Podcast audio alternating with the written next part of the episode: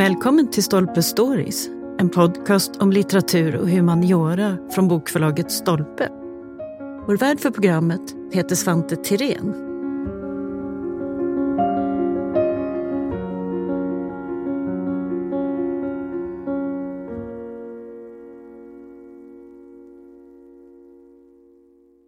Kungligheter och aristokrater hörde förr i tiden till några av de allra viktigaste uppdragsgivarna för arkitekturen. Det var de som hade både resurser och behov av att manifestera sin makt och sin kulturella status med hjälp av byggnadskonsten. I den nya boken Royals and Architecture skriver flera forskare och konsthistoriker om olika kungligheter som antingen agerat som arkitekter själva eller fungerat som inspiratörer och beställare. En av författarna det är Magnus Olausson som är docent i konstvetenskap. Han har bland annat skrivit om Gustav III och ska i det här avsnittet berätta mer om det dramatiska 1700-talet och vad som hände inom kunglig arkitektur då. Välkommen hit Magnus! Tack! Att adel och kungligheter är viktigare beställare av arkitektur, det är ju något så självklart så det tar vi nästan för givet. Men om vi tänker på 1700-talet så är det här en särskilt dramatisk tid. Dels finns det många kungligheter som är extra intresserade av arkitektur, gör viktiga bidrag. Men så är det också en tid då kunglig makt i sig själv ifrågasätts och så vidare.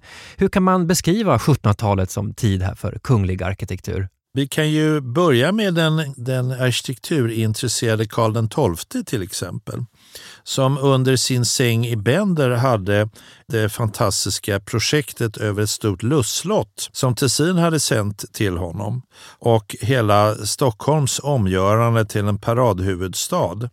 Där kan man alltså börja historien lite. Det är lite gulligt det här att Tessin underhåller Karl XII med med de här planerna mitt under, alltså sedan Sverige totalt har havererat egentligen vid Poltava. Så man undrar lite, var det här ett slags dagdrömmeri åt kungen? Att alltså, säga, eh, eh, hålla nerverna lugna. Och det gjorde man då med arkitektur. Med vidlyftiga planer över en stor lustpark som skulle täcka ett område på två kvadratkilometer eller att göra om Stockholm från en, en ganska bondsk huvudstad till en kontinental. Är det liksom vettigt att göra det om samtidigt landet håller på att gå under? Där kan man ju nästan tala lite om arkitektur som dagdrömmeri åt en kung. Nu är det klart att vi sitter ju med facit och vet ju att det gick definitivt åt skogen. Och det blev inget lustlott heller? Det blev inget lustlott. Det blev ingen stor omförändring av Stockholm heller. Men det här påminner ju ändå om att i det här fallet Karl XII säkert hade ett mycket stort intresse för det här.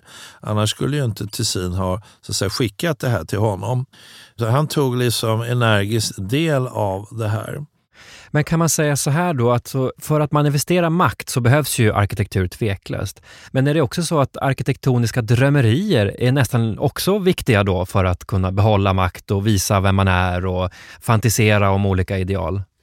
Ja, alltså arkitektur kan ju vara skön konst också. Vi, vi talar om presentationsritningar till exempel. Vi har ju senare under 1700-talet de så kallade revolutionsarkitekterna Ledoux och Boulez. Och det är väl ingen som har någonsin trott att de där stora pyramiderna, vad de ritade, någonsin skulle ha kommit till utförande. Det är egentligen arkitektur som skön konst eller som en slags dagdrömmerier kan man säga. Så verklig eller overklig arkitektur har alltid olika roller att eh, spela.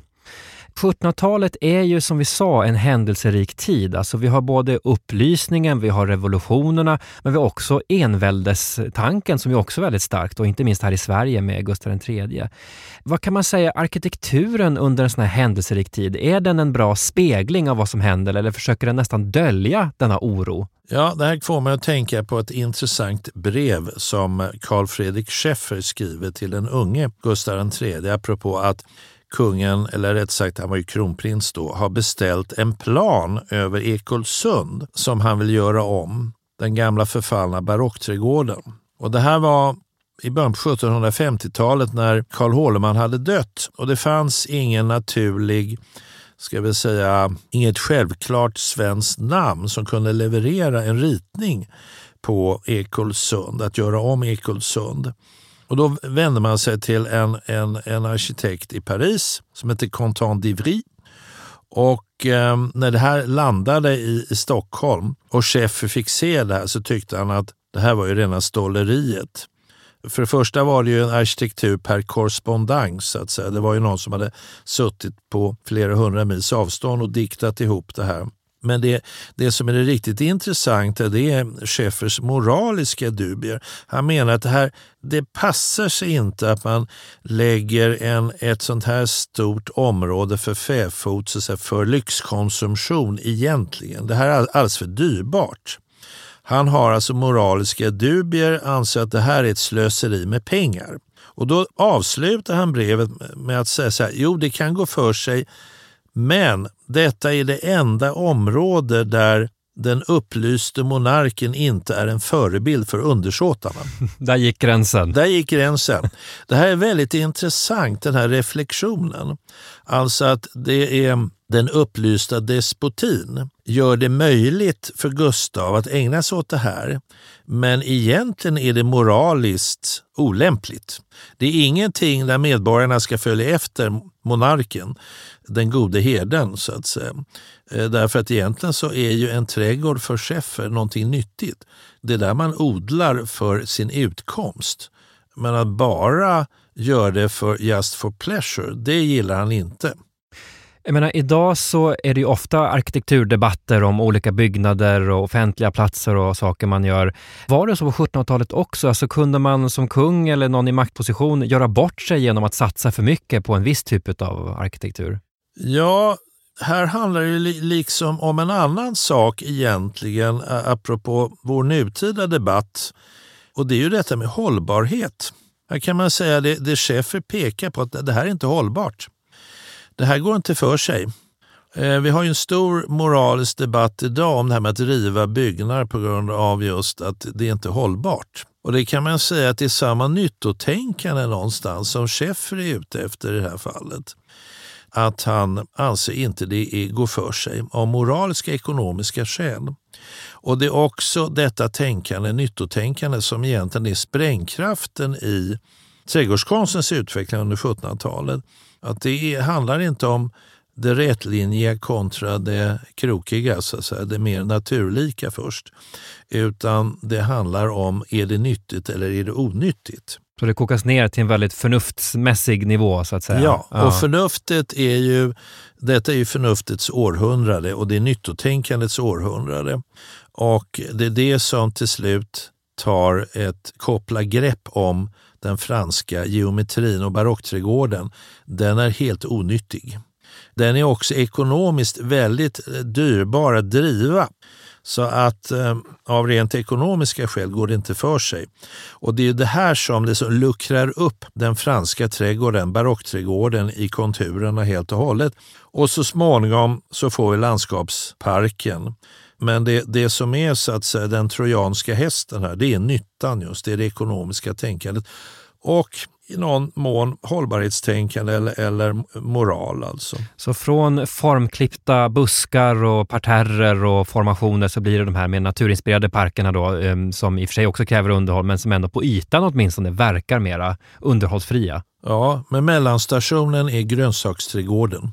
Eller, eller den, den förskönade lantgården.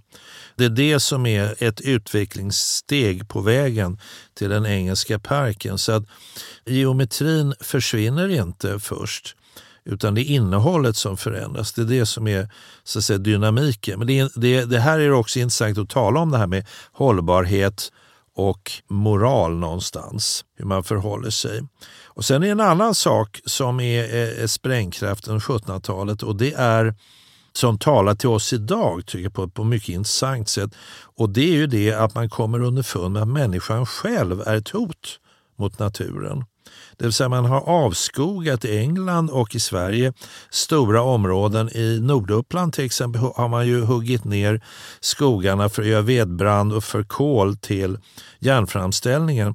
Och det gör att det ser ju inte klokt ut. Alltså det är ju, det är ju kalhugget runt bruken och Det här leder till en insikt någonstans om att människan själv är ett hot mot naturen. Så att det är inte bara någon slags romantiska griller som plötsligt uppstår i huvudet på människor utan det är en tvingande nödvändighet som gör att man inser att det här är inte bra. Vi hotar själva naturen. De stora skogarna som man såg som någonting eh, liksom eh, hotfullt och mörkt, någonting som skulle domesticeras, som man skulle betvinga. När man då hade huggit ner allt själva så insåg man ju plötsligt att det här här är ju människan själv ett hot mot naturen. Där finns en länk mellan då och nu verkligen. Mm. Om man tänker då de stora tänkarna på 1700-talet. Vi har eh, Voltaire med sin upplysningsfilosofi, vi har eh, Rousseau med naturdyrkan och så vidare.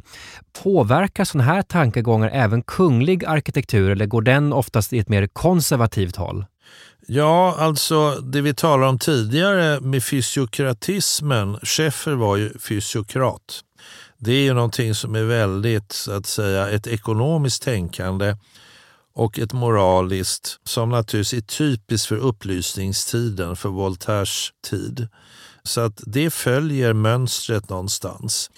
Och ehm, Det eh, tvingas naturligtvis även monarker ta hänsyn till. Vi, vi såg ju här den unge Gustav III att han blir konfronterad med, med det här. Du nämnde Rousseau, han är ju en annan viktig tänkare i sammanhanget. Hans naturdyrkan. Det är ju inte så att tillbaka till naturen som är hans slagord. Det är ju inte början på den engelska parken, men man kan säga att det inspirerar ytterligare. Det förstärker en tendens ja, som redan ja. finns. Alltså föreställningen om den lycklige vilden och så vidare. Att eh, leva i ett, ett naturtillstånd. Drömmen om en plats som inte är så att säga påverkad av civilisation. De där tankarna, där har han givit re relief åt det naturligtvis. Och en av dem som han inspirerar i hög grad det är ju markisen Girardin som är, är en, en stor eh, godsägare norr om Paris har en domän som heter Ermenonville där han låter anlägga en mycket stor engelsk park men där han också har driver jordbruk inom ramen för den här parkanläggningen. Så att han förenar nytta med nöje. Så det är inte så att kunglig och aristokratisk arkitektur nödvändigtvis är alltid mer konservativ och så, utan den hänger också med och påverkas av nya ideal? Absolut. Och det här med fåravel till exempel inom ramen för eh, parker det höll ju till exempel Lurven XVI på med vid Rambouillet utanför Paris. Så att han, han gjorde precis som Marquis och Girardin. Det är det här nyttoinriktade tänkandet, nytta och nöje så att säga. Det finns inom ramen för den engelska parken. Så det är inte bara en slags estetisk kontemplation utan eh, det ekonomiska incitamentet är väldigt starkt också.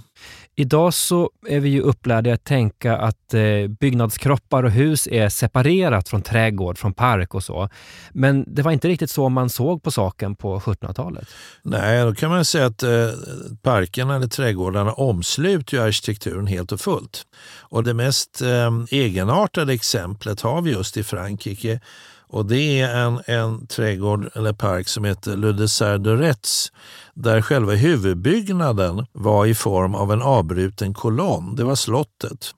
Och Det betyder det att i det här fallet är det parken eller trädgården som har dikterat villkoren för arkitekturen. Därför att parken omsluter det som var huvudbyggnaden fullständigt och huvudbyggnaden är en, så att säga, förvandlad till ett lust, stort lusthus. Det är det mest extrema exemplet kan man säga på resan från Versailles med ett stort kungligt slott i centrum och där till slut slottet blir en avbruten kolonn. Det är en ganska fantastisk resa egentligen. Den här skapelsen var ritad av ägaren själv, Monsieur de Monville. Han hade anspråk på att han var sin egen arkitekt och han var sin egen trädgårdsanläggare. Han hade visserligen engagerade olika konstnärer och arkitekter så att han var inte ensam på något vis men han hade verkligen anspråk på att det var han som var huvudansvarig. Det var han som hade ritat det. Och det här är då en väldigt intressant nyhet i 1700-talet, det vi kallar för The Gardening Lords, alltså trädgårdsamatören. Eh, som då är en aristokrat, och det kan vara en kung också, med konstnärliga anspråk. Så att säga. Man är sin egen arkitekt. Och Monsieur de Monville, han hade definitivt det och det gick så långt faktiskt så att en av de arkitekterna hade anlitat som heter François Barbier det blev en rättegång, det blev en, en, alltså ett domstolsförfarande där Barbier ska vi säga, försökte lägga bevis att det var han som hade ritat den avbrutna kolonnen till exempel, mm. inte Monville. Och då ställs det på sin spets att säga, när, det blir, när det blir en juridisk tvist till och med. Vem är upphovsman? Är det så att säga beställaren, amatören eller är det arkitekten? Eller är amatören arkitekt? Ja, alltså man, det är en väldigt intressant tid det här när de här begreppen vittrar eller det får en slags förskjutning i, i, i vad de betyder egentligen beroende på att ägarna eller beställarna själva har anspråk på att vara arkitekter. så att säga. De är inte bara konnässörer, det vill säga kännare och har, kan ha synpunkter, utan de har anspråk på att de själva är arkitekter också. Och det här är någonting nytt med 1700-talet, alltså amatörens roll, att den uppgraderas och uppvärderas. Och själva ordet amatör, det har ju en väldigt negativ klang idag, men på 1700-talet var det inte så. Nej, det betyder konstälskare. Den som älskar konst. Idag är det ju pejorativt amatörmässigt, det är någon, då är det tummen ner så att mm. säga. Men, men då var det absolut någonting man förväntade sig egentligen av en bildad aristokrat att vara sin egen arkitekt. Det finns många exempel under 1700-talet på det. Betydligt fler än under 1600-talet. Jag menar Ludvig den 16 var ju sin egen arkitekt, men hans förfader Ludvig den XIV, han pekade mer ut att det där gillar jag och det där gillar jag inte. Vi har nämligen bevarat ritningar där det står att eh, på franska då, Le roi a choisi cette section, alltså mm. han har valt denna del. Eh, om han har fem alternativ på utförandet av en grind, då har han valt en av dem. Men jag menar, mer än så vet vi inte om Ludvig XIV vad han, vad han tyckte om det ena eller det andra. Medan under 1700-talet så håller de i pennan själva och det är liksom en helt annan situation. I ett annat avsnitt av den här podden har vi pratat om Gustav III som ju verkligen var sin egen arkitekt och som man nu har fått omvärdera lite grann bilden också. Att det var ju han själv som satt med, med ritpennan mm. och, och tog fram väldigt mycket av det som byggdes. Men hur vanligt är det här att kungligheter på den nivån så att säga, att man har tid och lust att ägna sig åt det här? Det ser väldigt olika ut. Gustav IIIs morbror Fredrik den store till exempel, han höll också i pennan men han var betydligt mer amatörmässig än, än Gustav III. Gustav III hade ju en far också, Adolf Fredrik, som var amatörarkitekt. Och eh, det sammanhängde med att han hade ju som militärofficer hade han ju utbildning i fortifikation och där ingick det att man skulle rita. Och det förutsatte man när det gäller många officerare att de var ritningskunniga. Det ingick senare i utbildningen på Karlberg till exempel att de, de hade en ritmästare. Det skulle vara med helt enkelt som en ja, grund i de, de hade konstnärlig utbildning. Men eh, det här att göra skalenliga ritningar, det är någonting man gör inom fortifikationen. Och det eh, kunde Adolf Fredrik av den anledningen och även Gustav III hans bröder. De hade ju en, en lärare i fortifikation, Nordenkreutz, som undervisade dem i det här. Så att, att göra ska vi säga, måttsatta skalenliga ritningar, det kunde kungen.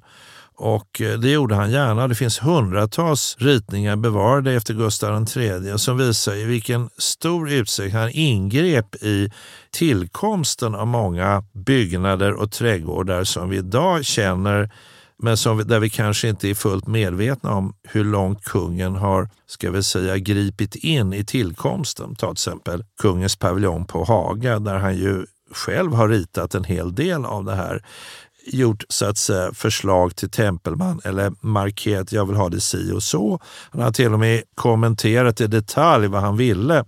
Så att säga, och det är ju liksom, där går han ju mycket längre än de flesta skulle jag påstå vid den tidpunkten. Man talar ju ofta om George III också borta i England som ju också ritade en hel del egna saker. Kanske inte på samma nivå som Gustav III men ändå. Är han ett parallellexempel som är lite av, av samma sort som Gustav III? Ja, de liknar varandra i hög grad och George III var ju dessutom, vill jag nog påstå, rätt skicklig eh, så att säga, rent, tekniskt. Och han hade ju som sagt Chambers som lärare Så att det där hade han lärt sig. Och han växte ju upp med detta ute på Kew Gardens med de här fantastiska byggnaderna där som hans lärare Chambers ritade. Eh, så att han var liksom han var omgärdad av, av, av det här. Det här var hans uppväxtmiljö i hög grad och det var han väl förtrogen med. Och han hade säkert ett genuint intresse också för det. Men gjorde han också, för Gustav III han ritar ju stora parkanläggningar, lustpaviljonger, inredning, allt möjligt. Gör George III också sånt? Jag är inte säker på att han har varit sin egen arkitekt i den meningen att man utförde byggnader eller parker efter hans ritningar. Det finns ju gott om, ska vi säga, byggnadsritningar av hans hand. Men det tror jag mer ingår liksom i hans studier än att det är egentligen någonting som man har använt som förlag eller byggnad, regelrätta byggnadsritningar. Nej, Gustav III är nog exceptionell där på, på den punkten. Så där, där står han ut lite. Är det här med arkitekturintresse en helt och hållet manlig sysselsättning eller finns det drottningar, prinsessor, hertiginnor och sånt som också tittar lite på det här? Ja, det gör det. Men jag tror nog ändå att just när det gäller byggande så är det nog framförallt män som dominerar och det kanske har att göra med den tidens könsroller.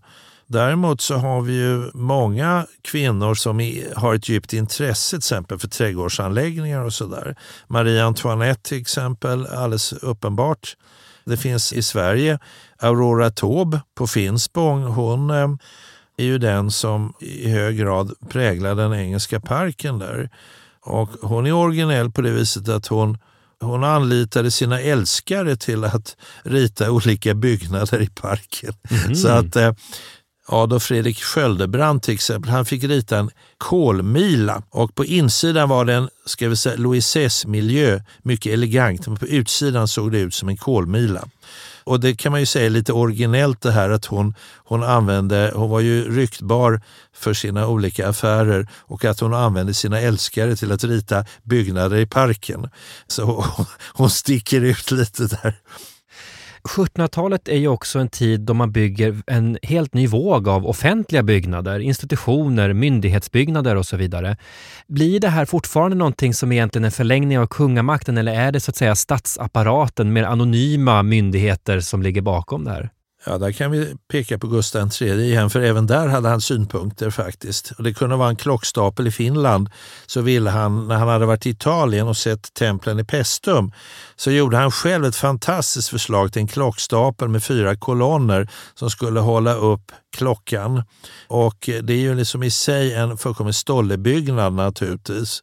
Men det säger någonting om hans passionerade intresse för den klassiskt och till och med den klassiskt arkaiska arkitekturen, grekiska, som han har liksom blivit biten på, riktigt sugen på. Och där han till och med har synpunkter på överintendentsämbetet när de ska göra eh, ritningar till Finland på en klockstapel. Så ritar kungen i kanten en egen klockstapel och då gör han i form av två stora såna här eh, pestiska, som man säger, arkaiska, doriska kolonner. Jag menar, det, det är ju fullkomligt vansinnigt som idé naturligtvis, men det, det, vad, det, vad det talar om är ju hans passionerade arkitekturintresse. Eller när han vill att man på Kungliga myntet det som blev kanslihuset sen skulle sätta ett par rejäla kolonner till exempel också eh, av, av dorisk tungt slag. Så att han, han hade absolut idéer och synpunkter och la sig i så att säga, enskilda ärenden. Det här med klockstapeln i Finland är väl det mest extrema exemplet i, i den vägen. 1700-talet avrundas ju med den franska revolutionen. Innebär det slutet för det här med att den kungliga arkitekturen är den mäktigaste, den mest inflytelserika?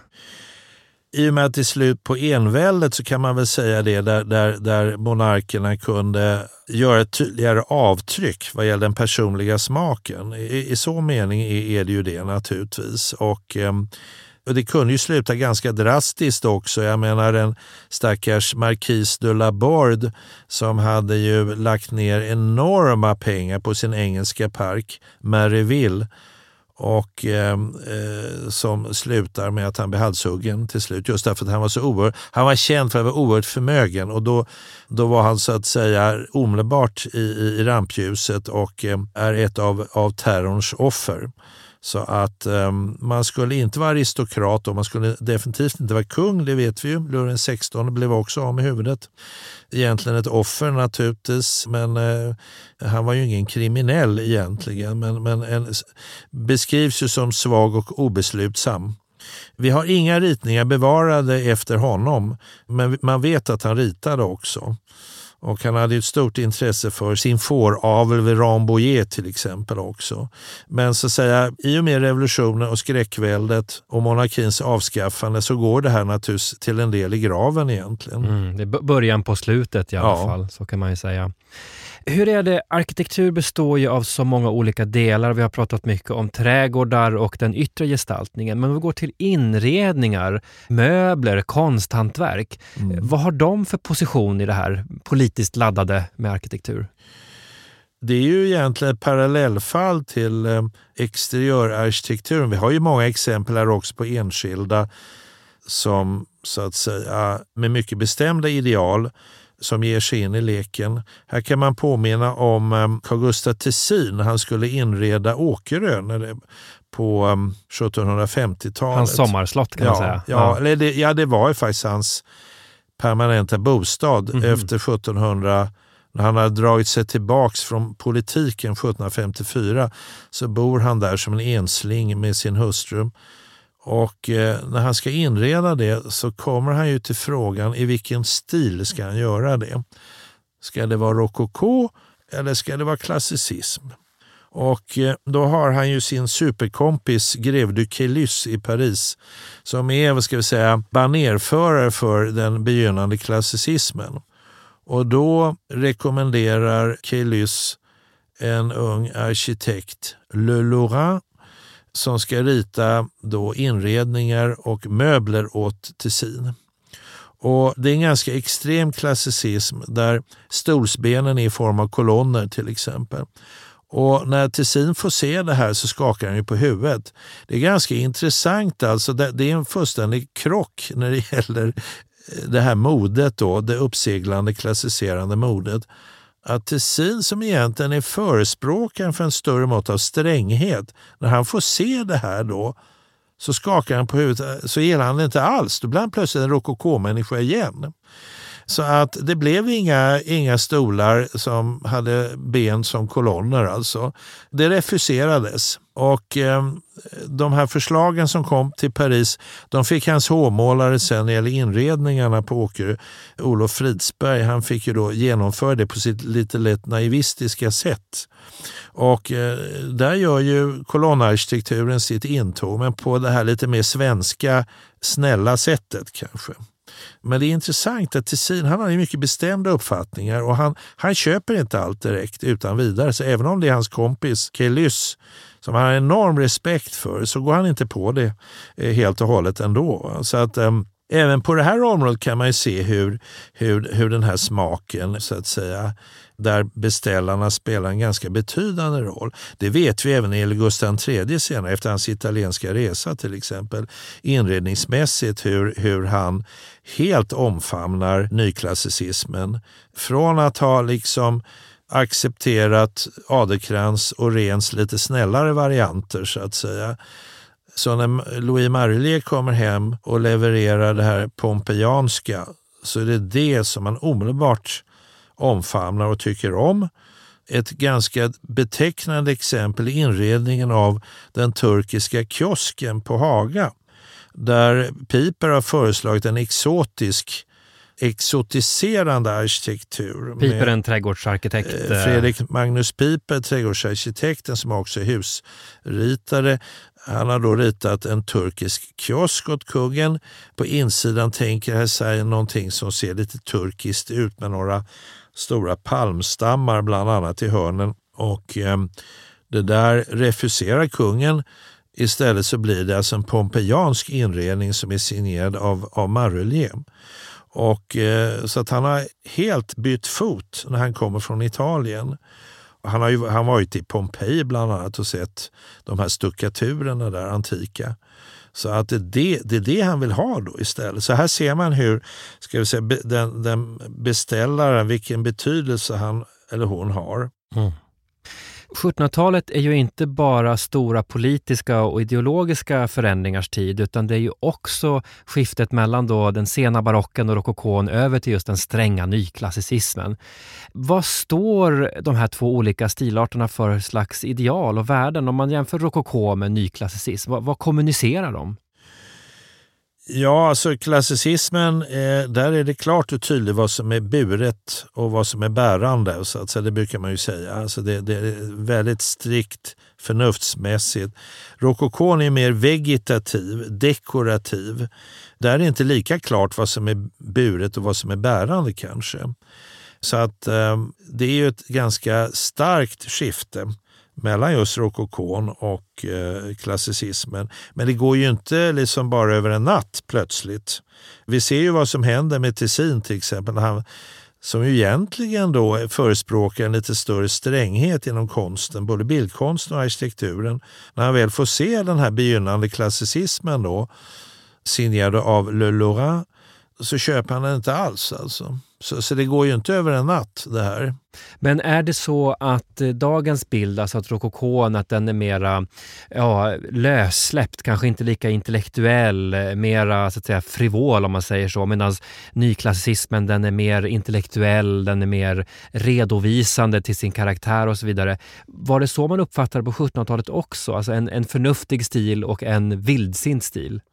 Ja, där får man vara försiktig när man, gör, när man tolkar. Så att, för just fallet Tessin visar ju det att även om man då i skrift uttrycker sin, eh, ska vi säga, skepsis eller motvilja mot det, vad du kallar för det lite lössläppta rokokon.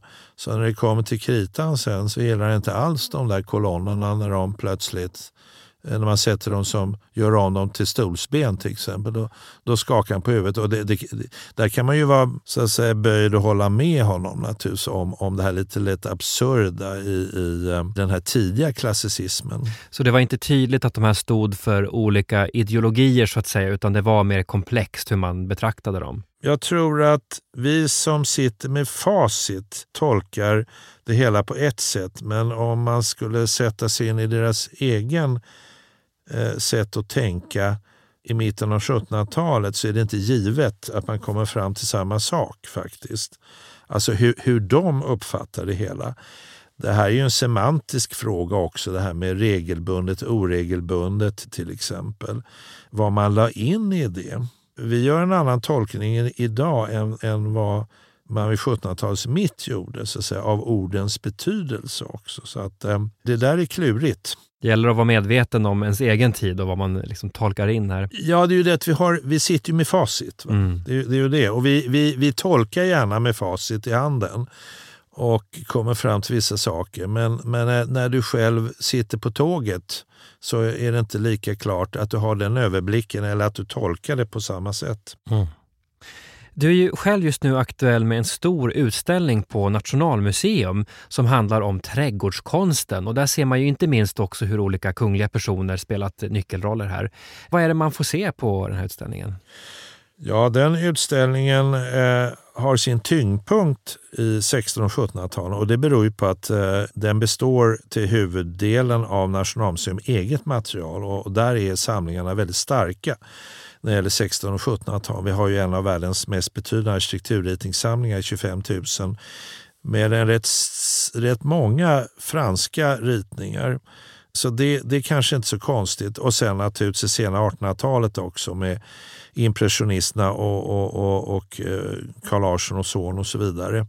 Och deras jämnåriga konstnärskamrater. Så det är det, det är det som sticker ut kan man säga i utställningen i hög grad. Men det handlar om hur trädgården har skildrats i konsten, i bildkonsten och genom konsten också, alltså även det konstnärliga gestaltningsmaterialet. Och eh, där är 1600-1700-talet naturligtvis dominerar i hög grad och sen det sena 1800-talet. Det här är ju ett ämne som egentligen kommer in i konsthistorien ganska sent. Det är först på 1980-talet faktiskt man börjar liksom intressera sig för det här med trädgården i konsten. Det, och det kan ju förvåna faktiskt att, att det är så pass sent, men, men, men så är det. Mm. I Sverige så har vi ett ganska stort antal kungliga miljöer bevarade. Vi har dels de kungliga slotten, men vi har också andra offentliga platser och sånt som ju är resultatet av eh, olika kungliga personer förstås, engagemang och vilja att manifestera makt och påverka arkitekturen på olika sätt. Om vi börjar med Gustav III, vilka är de viktigaste platserna att besöka för att eh, komma in på hans tänkande, hans sätt att vara och så här kring hans arkitektur? Ja, Haga är naturligtvis en, en, en sån miljö. Byggnaderna där i hög grad. De eh, talar ju sitt tydliga språk. Den ensemblen som ursprungligen fanns vid Gustav Adolfs torg med Operahuset och eh, Prinsessans palats, nuvarande UD, alltså Arvfurstens palats. Det var ju en helgjuten miljö som tyvärr ramponerades av Eh, Eh, när man rev det gamla operahuset och uppförde det nuvarande. Men det var ju så att säga en, en helgjuten miljö som helt dikterades av kungens önskemål. Han hade naturligtvis sett till att syrran gjorde en, en fasad på sitt palats när de började bygga det på 1780-talet som liknade operahusets. Så där har man ju naturligtvis en påminnelse om, om kungens arkitekturideal. Det kungliga myntet naturligtvis, vid gamla kanslihuset vid Mynttorget är ju ett annat sådant exempel på kungens arkitekturintresse. Och går man, åker man ut till Drottningholm så kan man ju se Déjeunersalongen eh, som ju är ett tillskott från Gustav IIIs tid. En umgängeslokal för hovet med dessa stora enorma fönster som en påminnelse om att det ursprungligen idén till det här kom från orangeriet som var umgängeslokal när man hade lyft ut alla trädgårdsväxterna under sommartid. Då var det umgängeslokal för hovet och därför kom de här stora fönstren på Déjeunersalongen att hämta inspiration från orangeriet som revs sen. Så, så därför det var ju um, den umgängeslokal man, man höll till i på sommaren. Och den funktionen ärvde Déjeunersalongen. Så att de här stora fönstren kanske man inte tänker på, men de så att säga, påminner oss om orangeriet i själva verket. Ja, sen har vi naturligtvis det götiska tornet som är en sån här riddarromantisk idé som eh, kungen hade och som har att göra med hans intresse för okkultism och frimureri också. Men det är ju då ett helt annat arkitekturideal en slags medeltidsromantik. Det finns en väldigt stor bredd i den här historien förstås, för det är så många olika typer av arkitektur som ingår. Och nu kommer så sagt den här boken då med massor av olika perspektiv och infallsvinklar. Det är dels då som vi sa kungligheter som själva agerar arkitekter eller är då så att säga kloka beställare, eller vad var det du sa förut? Ja, bildade beställare kanske? Ja, bildade beställare, det kanske är uttrycket. Vad hoppas du vi ska forska vidare på när det kommer till det här temat med just kungligheter och arkitektur? För vi har ju lärt oss nu att Gustav III har man ju bara antagit att han inte var så involverad tidigare, men så visar det sig att han absolut var det och så vidare. Så vad mer väntar på att upptäckas? Ja, det man kan lära sig av det här, om vi, om vi börjar med det, är ju naturligtvis att det är ju inte alltid att det är den professionella konstnärliga arkitekten som kanske har haft det avgörande inflytandet, utan det kan lika väl vara amatören faktiskt. Och det där har ju varit ett problem i konsthistorien, eller konstvetenskapen, att Konsthistorikerna har så att säga per definition utgått från att den professionella arkitekten eller konstnären är alltid den som just har haft det avgörande inflytandet. Och det, det kan man lära sig av det här. att det, Man behöver vidga bilden. Och Det är inte heller så att det är den estetiskt mest högstående professionelle som har det absoluta inflytandet heller. Det är ett annat sånt här misstag som man gör. Och Det är ganska typiskt just relationen mellan Gustav III och Fredrik Magnus Piper. Att Piper var ju en oerhört fullfjädrad arkitekt, trädgårdsskapare, mycket professionell. Hans ritningar är helt fantastiska. Och då, då har man också dragit den slutsatsen, bara för att han då var så fullfjädrad, så hade han också ett inflytande som så att säga, var i paritet med denna kvalitet. Men så är ju inte fallet. Det är till och med så att han uppenbarligen retade kungen som själv hade anspråk och därför fick nöja sig med så att, säga, att, att spela en, en, en, en mer undanskymd roll och att han var ganska grinig också eh, och, och, kanske inte särskilt flexibel och det gjorde det att han hamnade lite i skymundan helt enkelt och att det var kungen istället som bestämde. Och Det där passar kanske inte in i en konsthistorikers bild av, av utveckling men, men, men det, det, det, där är väldigt bra exempel som tvingar oss att tänka kanske nya banor och det vill väl också denna publikation visa. Mm, så en hel del nya tolkningsmöjligheter finns det absolut och kanske sätt att avlära sig också invanda föreställningar om hur det borde ha varit. Ja, man ska nog alltid tänka efter och eh, eh se ganska förutsättningslöst. Åtminstone inte med såna här eh, lite mer ogrundade antaganden i alla fall. Att det alltid är den professionelle som bestämmer eller som påverkar skeendet. Utan att det lika väl kan vara just beställaren som har ett ganska stort ord med i laget. Väldigt mycket återstår att upptäcka helt enkelt inom just det här med kunglig arkitektur. Stort tack för att du kom hit Magnus. Tack ska du ha. Tack, tack.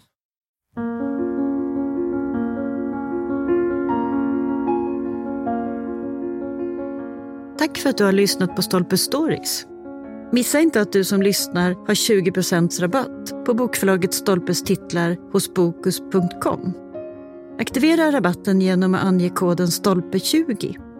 Och för att lyssna på fler avsnitt, följ oss där poddar finns och på sociala medier.